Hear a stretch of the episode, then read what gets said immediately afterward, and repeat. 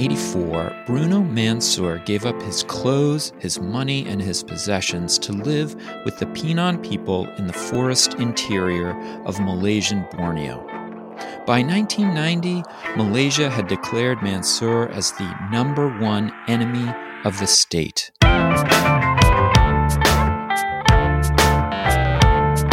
It's time to eat the dogs. I'm Michael Robinson.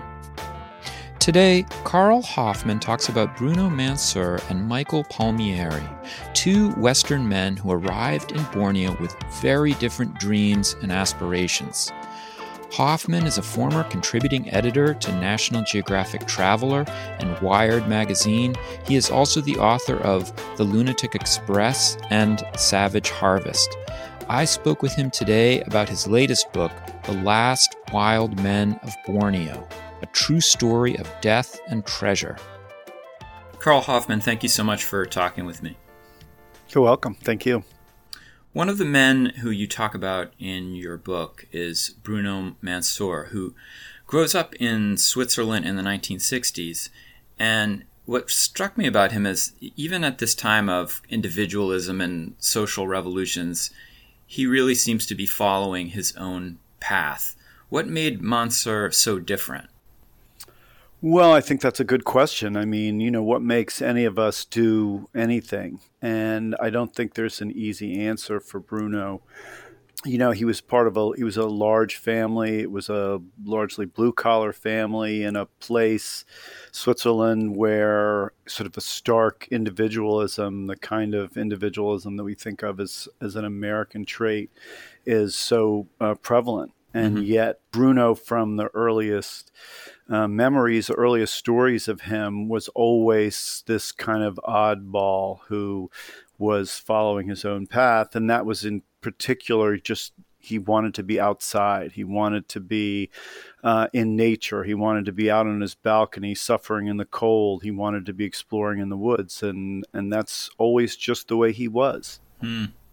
Yeah, he ended up taking some pretty epic trips up these mountains in the summertime in the Swiss Alps to tend sheep and without basically without anything for for months at a time.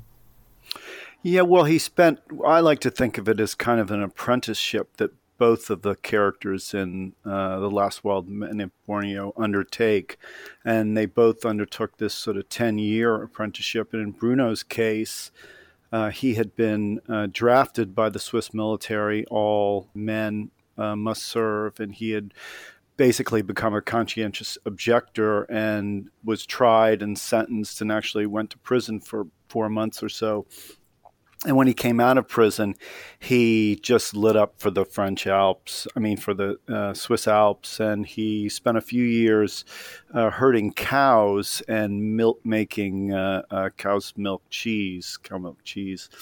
And uh, then he turned to uh, sheep and shepherding he could do alone. making the cheese, he needed a couple partners. And so he spent about 10 years altogether, six years herding sheep, very remote parts of the Alp. I mean, the Alps, I've been to the little house, little shepherd's hut that he lived in. And I mean, it's a spectacularly beautiful place, just this little wooden hut in kind of a, at the top of a box canyon, um, surrounded by, right up really at the tree line, a little bit above it, with uh, views and rushing streams. And uh, he just spent every summer uh, up there by himself. By the early 1980s, he's traveling further and further from Europe. He arrives in Borneo and attaches himself to a British caving expedition. Uh, and then he sets off on his own to live with the Penan people uh, deep in the forests of Borneo, particularly Sarawak, the Malaysian part of Borneo.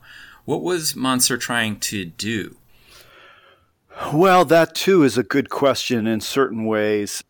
As much as Bruno talked about what he did and uh, he didn't go that deeply into explaining what he was after, mm. except to say that he wanted to be in the belly of the mother.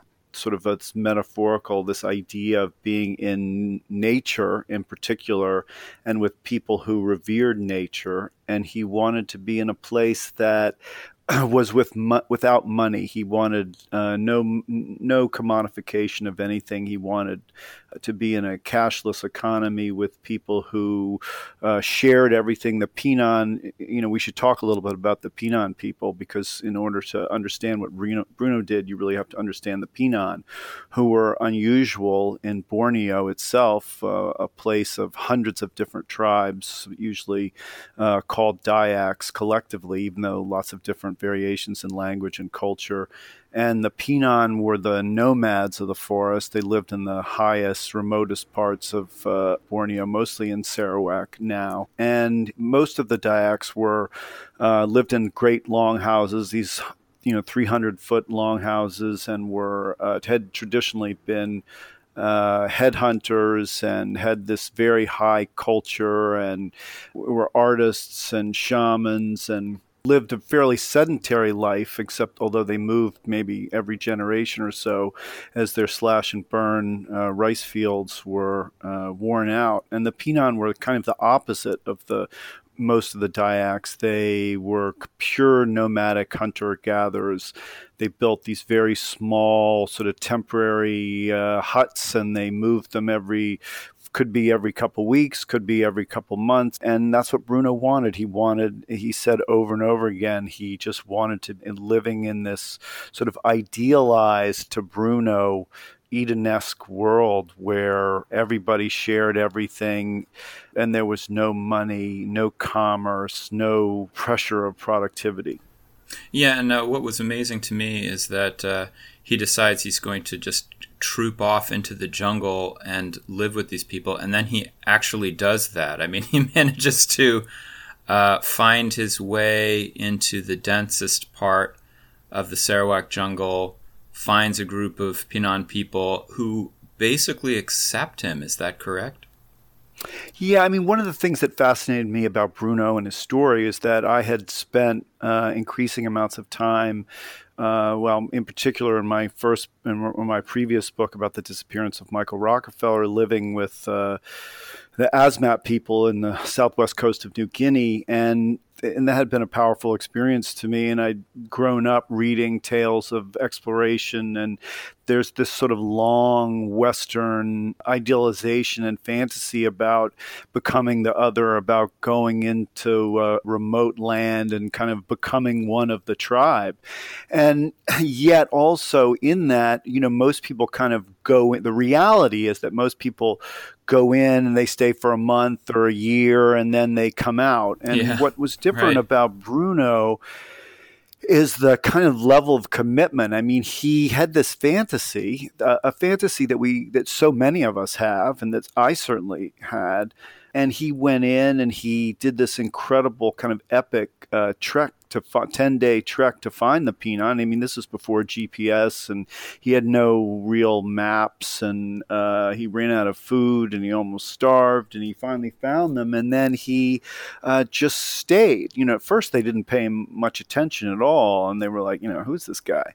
And uh, but over time, you know, he stayed so long and became so Penan that the Penan themselves called him uh, Laki Penan, Penan Man. Yeah. Um, and you know, he learned their language, and he learned to walk through the jungle barefoot, and to hunt with a blowpipe, and to climb trees, and he could find his way through the forest, and he became, you know, essentially self-sufficient. He wasn't a drag on the Penan, and he stayed for six years and you know we can talk about why he left, but uh, that's a long time. Yeah. And eventually, you know, the longer he stayed, I mean, you know, this is 1984 when he went in, so Penan liked to wear watches, even though the watches were usually broken as jewelry, and they, you know, were wearing T-shirts and gym shorts like people all over the world, and you know, Bruno kind of went the other direction. I mean, he was exploring, uh, you know, traditional Penan loincloths out of bark and wearing them and growing his hair in a Penan style, which was kind of like a mullet, even as the Penan were going in the other direction. Yeah, you have some great some great photographs of him in your book. I was wondering, you you had said that uh, Manser had become a kind of, uh, well, started to live out a kind of Western fantasy. Uh, what do you mean by that? Well, I think that, you know, for years, centuries, I mean, the Westerners have had a long, there's a long Western, especially kind of literary fantasy about uh, Westerners who go and become tri- exotic tribesmen. I mean, you know, that's what, in a way, the, the whole Tarzan fantasy, mm-hmm. which is, you know, series is about. I mean, I reread it recently, and it's a horribly racist book, but it really captures what Westerners have felt for generations, really. And Bruno had these ideas that you know I think the book explores them. And here's the thing: the Penan were Bruno saw the Penan as these sort of ahistorical characters who were living this life that was untouched by the modern mm-hmm. world. And the reality was that wasn't true. You know, the Penan had been in these strange kind of vassal relationships with the sedentary, violent headhunting Dayaks for generations. The Dayaks used the Penan to gather uh, jung- certain jungle products which were important to them, which they traded to Chinese traders uh, for a profit. And they dominated the Penan, and it was the Brookes, you know, Charles Brooke and James Brooke, who you know ruled uh, Sarawak this is the British Raja. Yeah, the white Rajas of Sarawak. I mean, you know, talk about weird fantasy, Western fantasies. And uh, they institute, you know, the Brooke regime instituted this uh, these quarterly markets uh, where the Penan could trade their products to uh, the Dayaks under the watchful eye of Brooke government officials so that they wouldn't be cheated. And the Penan, you know, looked upon the British as these kind of saviors. And even though there were Penan who may not have seen uh, themselves a Westerner. Uh, that may be a little bit doubtful, but I'm sure there were some and who appeared to live incredibly traditional lives. They were all part of a system, I mean, in which they you know were aware of the outside world and had, had these relationships with Dayaks and this relationship with the British with with the Brookes and and you know they looked at Bruno as this sort of uh, one of the Brookes returned in yeah. a way they didn't venerate him. They didn't carry him around on a on a chair the way the Malaysian government, you know, made it sound. But they looked at Bruno as this uh, person as what he was, which was a person of a, a, Western power. And yet Bruno looked at them as this pure, free people, which in a way they were, who had been untouched by time and history. So, you know, they were both, to me, that's what's really fascinating about the story is the way they were both kind of uh, fetishizing the yeah. other in a certain way. Yeah, it's, it's really interesting the degree to which he becomes different things to different people a kind of uh, bandit to the Malaysian authorities and a uh, hero to the Penan, as well as, a, as you said, a kind of fantasy figure for people back in Europe. There is even a little bit of the uh, Commander Kurtz uh, quality, you know, to him. Um, this Westerner going in and leading a group of people in, in, a fight. Yeah, I mean it's it's the Western fantasy. I mean it's T. Lawrence of the Jungle in a yeah. way, you know. And when Bruno first started really becoming well known and leading the Penan in uh, anti logging efforts, uh, there was this flood of reporters who started going in originally uh, from Europe from Stern and from Geo and you know the big kind of uh, magazines. And bruno himself became frustrated because all the reporters you know they found something incredible to them. And that incredible thing wasn't you know it was kind of the penan resisting all of these uh, rapacious loggers and politicians. But really the fascinating thing was bruno. The fascinating thing was the white guy you know with this naked with his blowpipe who could climb trees and hunt you know with poison arrows. I mean that's what they were fascinated fascinated by. That was it was Tarzan incarnate. It was yeah. Tarzan come to life, and you know here was this sort of savage that uh, you know you could sit down with to dinner with and and speak a flawless you know Swiss German and French and English and Malaysian. I mean you know Bruno was the fantasy come to life. Yeah, and then simultaneously you have this other figure that your book also traces the story of Michael Palmieri, who is an American trader and an adventurer, kind of a buccaneer who He also ends up in Borneo in the 1970s and 80s, but he's a really different sort of person than than Bruno Manser. Could you talk about him? Yeah, I mean Bruno and Michael are completely opposite on the surface. They're you know, when Bruno went in to live with the Penan, he wanted nothing. He didn't want, he didn't go, he became famous, but he didn't want, he wasn't searching for fame and he wasn't, certainly wasn't searching for profit. I mean, completely the opposite. Um, and then the, the, the, movement that he led in Sarawak was completely sort of selfless in the sense that he was doing it for the Penan alone and to help them preserve their land and their way of life. I mean, land and, and life being inextricably linked there. And Michael was a, you know, an American who was going in and out of Borneo for 40 years buying the sacred art, beautiful carvings and paintings and textiles of the Dayak people and selling them for a profit to museums and collectors around the world. But when I look more closely at them, they, and I thought about them, they were really two peas from the same pod in a lot of ways. I mean, you know, they were both uh, baby boomers from the 60s. They'd both been called to serve by their militaries. Michael, like uh, Bruno, had uh, refused to serve. Uh, he had been sort of proto drafted, not actually drafted yet, but he'd been called for a physical and he just uh, split. He threw the letter in the trash and hit the road, went to Mexico and then to Europe. And he, like Bruno, spent 10 years kind of wandering and, and uh, in Michael's case, all over uh, Europe and then into further and further east through Iran and into India and Afghanistan and uh, making these epic overland journeys between Europe and Afghanistan, trading and smuggling and and uh, it was only te- after doing that for 10 years that he made his way to Bali and then into Borneo. So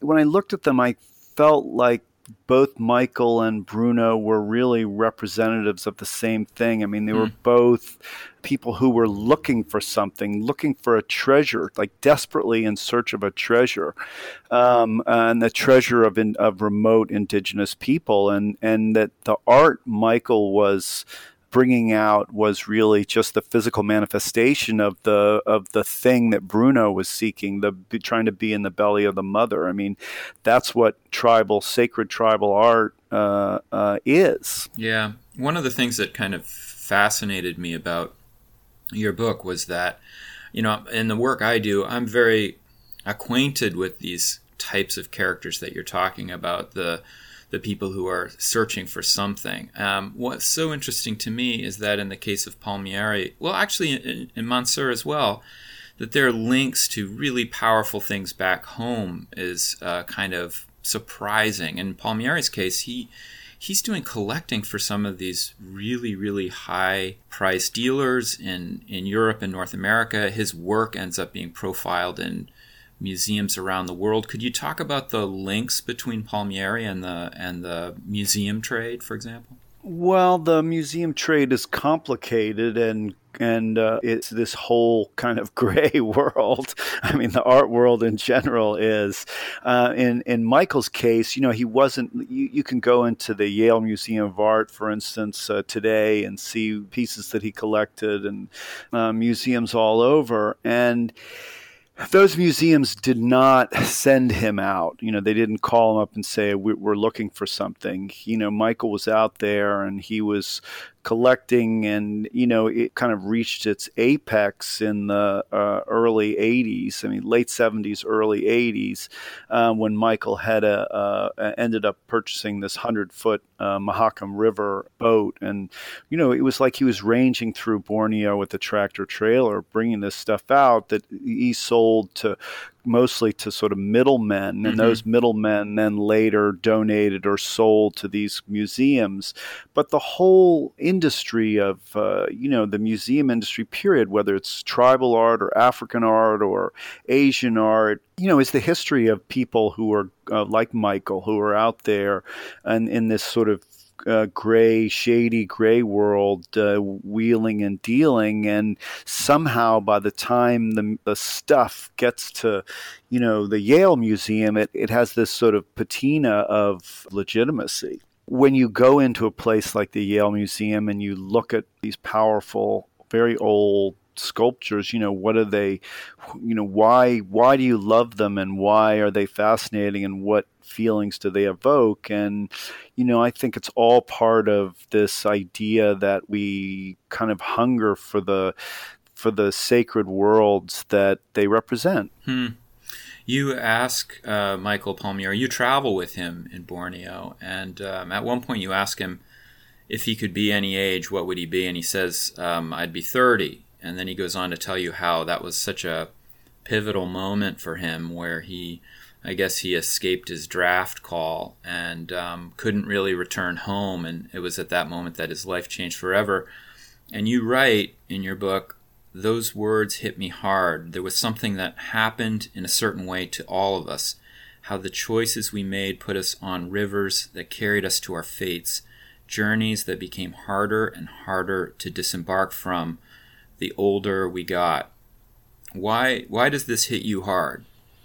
Well, I think it's uh, in a way it's uh, uh, you know the it's sort of acknowledging what uh, the universal what universally happens to us as we age. I mean, I'm in my 50s and I'm, you know, acutely aware of that, that you you know you have hopes and dreams and you know and the world is yours. You know you can do anything when you're in your 20s and you know slowly you make various choices whether it's getting married and having a family or you know suddenly you get a mortgage and you know your time on the one hand you have more obligations. On the other hand time feels like it's running out or your physical body begins to decline and you can't do what you used to be able to do. And suddenly you know it turns out you've made a lot of choices along the road yeah. of your life and you're kind of stuck with those in a lot of ways and i think that is kind of a theme of the whole book in a way and it, it, it happens i guess you know you think of, in particular about the thing is you think about like in a very sort of bourgeois middle class uh, way you know people who get up and they get in their you know their car and they drive to work every day and they do some job that's kind of boring and they dream about doing something else and you know they're mortgaged to the hilt and they're stuck in that life. And you know then you think of someone like michael palmieri who's you know been who hasn't lived in, in america for 40 years and lives in as he calls it his little grass shack in Bali, and you know has had this wildly adventurous life. Or someone like Bruno, who you know lit out and lived in the jungle for for six years uh, as a wild indigenous person, and then led this incredible movement for ten years as people who broke from that mold. But I I, I think what I understood when Michael said those words to me, and, and what I'd been seeing when I was examining the lives of both Michael and Bruno, was that they too got stuck. They got just as stuck as everybody else. You know, and there's a I think the big, almost the biggest moment of the book is when Bruno's friend, a man named George Rueg, who had been a shepherd with Bruno, he had been on the other side of the mountain from Bruno in, in his shepherding years, said to me, You know, I was a shepherd for so many years and, and it was the most beautiful life I could ever imagine. He goes, but my knees got bad. And he's like, mm-hmm. I couldn't do it anymore. And he said, you know, when that happens, and he had to kind of come off the mountain and live a much more regular life and become a carpenter. And he said, you know, when that happens, you have to accept it and you have to uh, have sort of new goals and new dreams and new horizons. And that if you don't, not just get stuck, you kind of die. And yeah. he said Bruno never could do that. Uh, you know, and Michael to a certain extent never well, he the thing is he never changed his life, but he always that's the amazing thing about Michael. He he has this kind of adventurousness and optimism that has kept him out there for, you know, he's 75 years old mm. now. I, I, and he hasn't given up. Yeah, I was I, when I read that, um, it was really interesting. It kind of crystallized something for me. In the, at, at, the period that this is taking place in the 80s, I was in living in Egypt in the late 80s, and I had a job. I was teaching English at a, a school in Cairo, but um, on the weekends we would go to uh, the Sinai and go snorkeling and that sort of thing, and we would run into lots of uh, Western travelers, expats, uh, a lot of Kiwis and Aussies, and they would roll through. Um, and they fit a lot of the types that you talk about that exist in Bali in the 1980s uh, as well. And I remember thinking to myself, like, that was one path. We were all in Egypt working in a way because we were also chasing that thing that you were talking about. But I realized that for some people it had become almost a kind of profession, a kind of traveling career. And that it seemed interesting to me that it was almost a, it almost seemed like a choice by default. And I, I never really put it together until I, I read your your words on that. But you have written about uh, other Westerners as well. As you mentioned earlier, you wrote a book, Savage Harvest, about Michael Rockefeller, who went missing in New Guinea in the early 60s. And you've written about your own travels on a, in a book called The Lunatic Express. I was wondering if you could talk about what draws you to this kind of uh, story.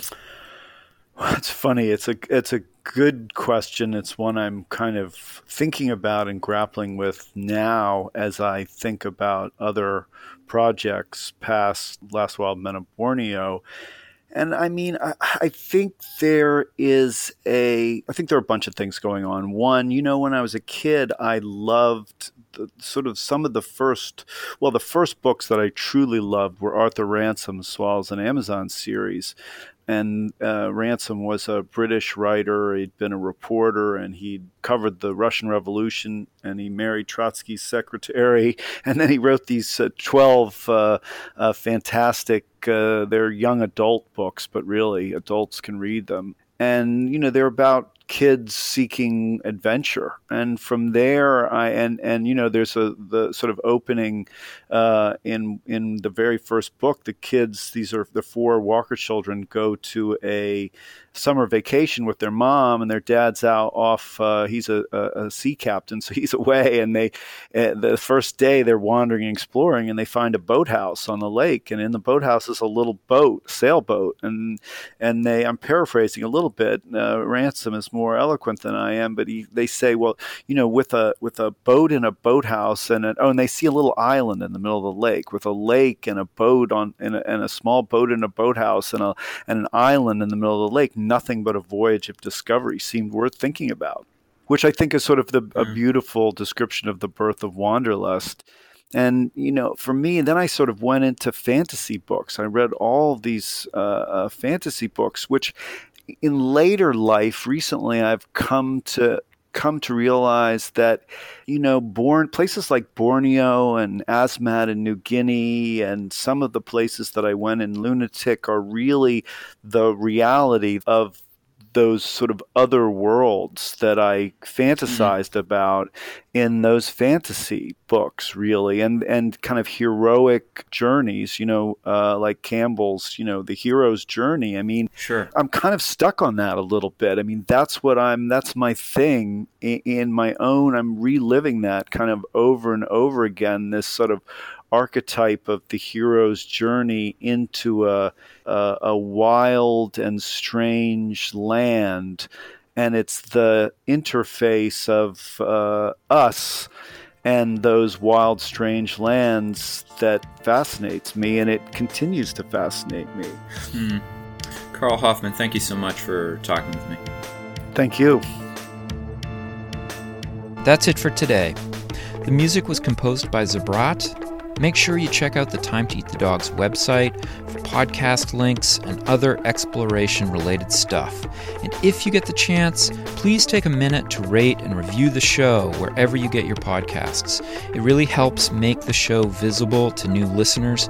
And if you want to recommend a guest or make a comment, feel free to contact me at time to eat the dogs, that's one word, lowercase, at gmail.com. See you next week.